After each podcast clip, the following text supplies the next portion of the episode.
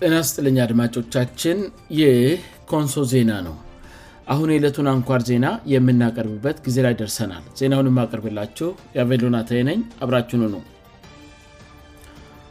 አርስ ዜናዎቹን በማስቀደም የዕለተ ሐሙስ መያዚ 13 ቀን 2014 አም አንኳር ዜናዎችን አሰማለሁ በተማሪዎች የፈተና ውጤት መበላሸት ጉዳይ የደቡብ ክልል ትምህርት ቢሮ ምንም ማመልከቻ ለትምህርት ሚኒስቴር አለምስገባቱ ተገለጸ የፋሲካ በዓልን ምክንያት በማድረግ ያልተገባ የዋጋ ጭማሪ ባደረጉ ነጋዴዎች ላይ እርምጃ መውሰዱን የኮንሶ ዞን ንግድ ና ገበያ ልማት መምሪያ አስታወቀ በደቡብ ክልል በተጭበረበረ መንገድ በወር 130 ብር ደሞዝ የሚከፈለው ሰራተኛ እንደነበረ የክልሉ ፋይናንስ ቢሮ አስታወቀ አሁን ዜናውን በዝርዝር አሰማለሁ በተማሪዎች የፈተና ውጠት መበላሸት ጉዳይ የደቡብ ክልል ትምህርት ቢሮ ምንም ማመልከቻ ለትምህርት ሚኒስትር አለማስገባቱ ተገለጸ የ12 ክፍል መልቀቂያ ፈተና ጋር በተያያዘ ከኦሮሚያ ክልል በስተ ጋር በሌሎች ክልሎች እጅግ በጣም ዝቅተኛ ውጠት መመዝገቡን ተከትሎ ትምህርት ሚኒስቴርና የፈተናዎች ኤጀንሲ እየተተቸ መቆየቱንና ጉዳዩን በአገር አቀፍ ደረጃ ከፍተኛ መነጋገሪያ ሆኖ መቆየቱ አይዘነጋም በደቡብ ክልልም እጅግ በጣም ዝቅተኛ የተማሪ ቁጥር ወደ ከፍተኛ ትምህርት ተቋማት የመግበያ ነጥብ ያመጣ ቢሆንም ምንም የማስተካከያ እርምጃ እንዲወሰድ ክልሉ አቤቱቷ ለማቅረቡን ከትምህርት ሚኒስቴር የወጡ መረጃዎች አመለከቱ በደቡብ ክልል ባለፈው ዓመት የከፍተኛ ትምህርት መግቢያ ፈተና የወሰዱ ተማሪዎች ቁጥር 890 ቢሆንም በተቀመጠው የማለፊያ ነጥብ መሠረት ወደ ከፍተኛ ትምህርት የመግቢያ ውጠት ያገኙ 1200 ተማሪዎች ብቻ ናቸው ይህም ከመቶኛ ሲሰላ ከጠቅላላው ተፈታኞች 13 ያህል ብቻ ነው ሌሎች ዝቅተኛ ነጥብ በተመዘገበባቸው እንደ አማራና አፋር ባሉ ክልሎች ጉዳዩ በክልል መንግስታት ደረጃ ትኩረት ተሰጥቶ ወደ ትምህርት ሚኒስቴር አቤት የተባለ ሲሆን ትምህርት ሚኒስቴርም ጉዳዩን ተመልክቶ በቅርቡ መፍትሄ የሚጠቁም መግለጫ ማውጣቱ ይታወሳል በመግለጫውም በግጭት ቀጠናዎች ውስጥ ሆነው ፈተና የተፈተኑእና ውጠት የተበላሸባቸው ተማሪዎች በዚህ ዓመት የአስረታ ክፍል መልቀያ ፈተና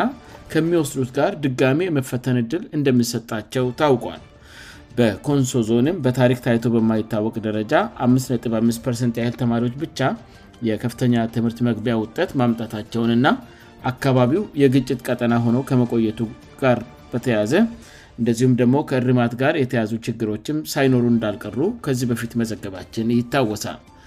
የዞን መንግስት በጉዳዩ ላይ የሊውካን ቡድን አድራጅቶ የአቤቱቷ ማመልከቻ ይዘው የሄዱ ሲሆን ማመልከቻውን ወደ ትምህርት ሚኒስቴር በወሰዱበት ወቅት በደቡብ ክልል በኩል ምንም የገባ አቤቱቷ አለመኖሩንና በዞን ደረጃ የቀረበውን ማመልከቻ ከሌሎች ማመልከቻዎች ጋር በአንድነት እንዳይታይ ዘግይቶ የቀረበ መሆኑ እንደተገለጸላቸው ማመልከቻውን ካስገቡ ሰዎች ኮንሶ ዜና ለመረዳት ችለዋል በደቡብ ክልል በኩል የተማሪዎች ውጠት መበላሸት ጋር የተያዘ ምንም ማመልከቻ ለትምህርት ሚኒስቴር አለመግባቱ በዞን ደረጃ ለትምህርት ሚኒስቴር የቀረበው ማመልከቻ ትኩረት እንዳያገኝ እንቅፋት የሆነ ቢሆንም የኮንሶ ዞን ትምህርት መምሪያ ና በአዲስ አበባ የሚገኘ የኮንሶ ምሁራን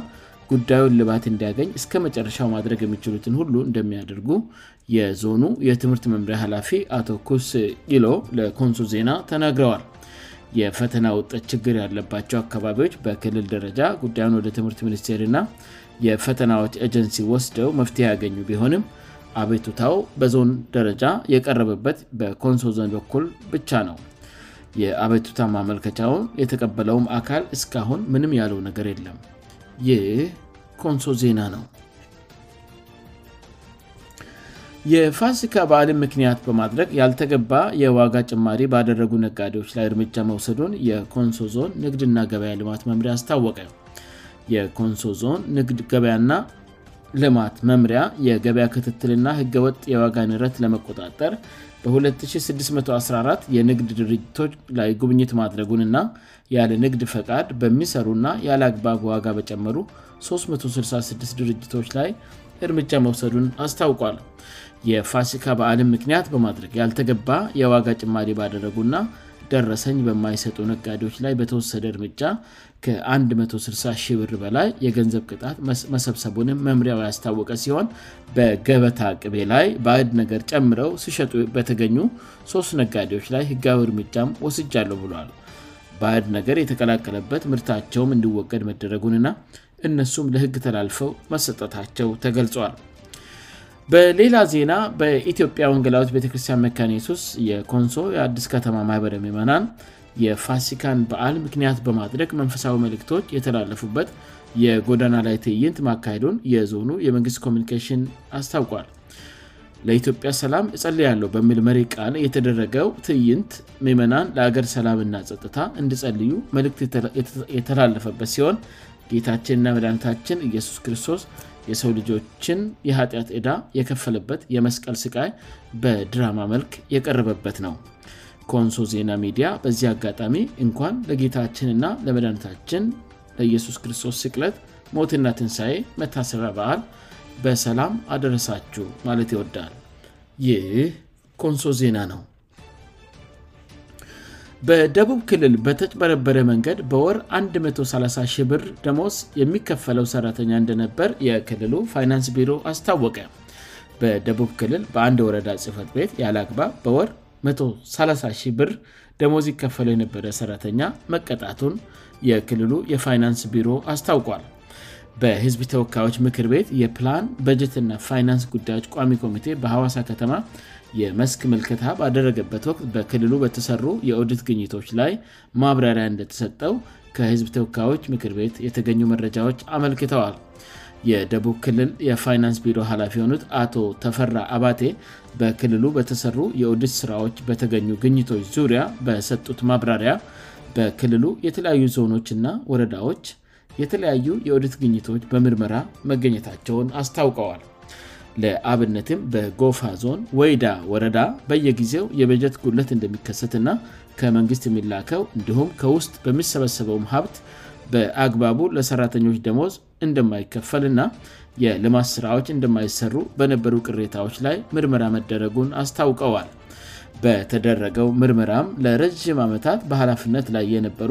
ከላፍነታቸው ሲነሱም አመፅ በማስነሳት ወደ ፋይናንስ ቢሮ ሲመለሱ የነበሩና የተለያዩ ሀሰተኛ ፔሮሎችን በማዘጋጀት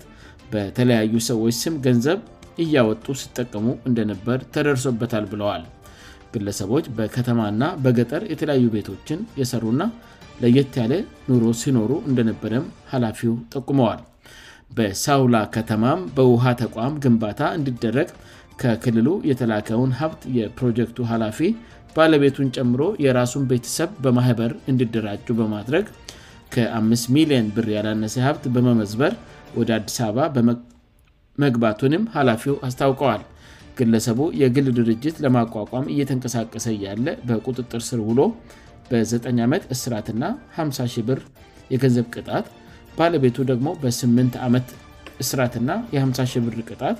በወንጀሉ ተሳታፊ የነበሩ ሌሎች የማኔጅመንት አባላት እያንዳንዳቸው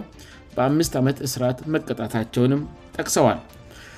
በሃዲያ ዞን በአንዳንድ ወረዳዎች ላይ ከባንክ ጋር በመመሳጠር የ6500 ብር ደሞዝተኛ የሆነን ግለሰብ ፔሮል ላይ 10 በመጨመር በየወሩ 650 ብር ደሞዝ በየወሩ ስተላለፍለት እንደነበረም አስታውቀዋል እንዲሁም በአንድ የወረዳ ጽህፈት ቤት ያለ ግባብ በወር 130 ብር ሲከፈለው የነበረ ግለሰብን መገኘቱን ኃላፊው አስታውቀዋል በዚህ ወንጀል ውስጥ ተሳታፊ የነበሩ የቢሮ ሠራተኞችና የባንክ ሠራተኞች በቁጥጥርስር መዋላቸውን ገንዘቡም ለመንግሥት ገቢ መደረጉንም ገልጸዋል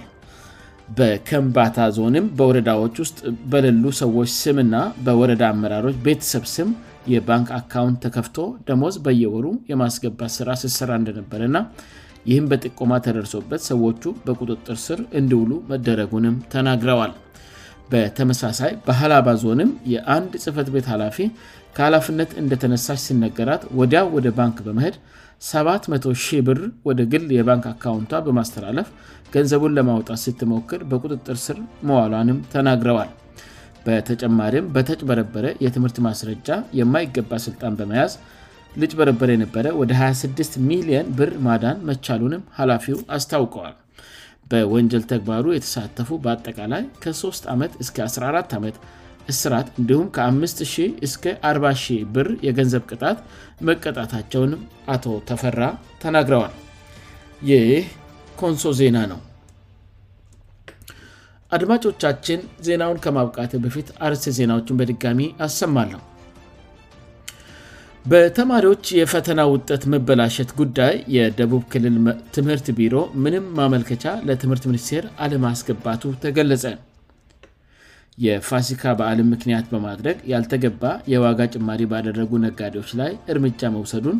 የኮንሶ ዞን ንግድና ገበያ ልማት መምሪያ አስታወቀ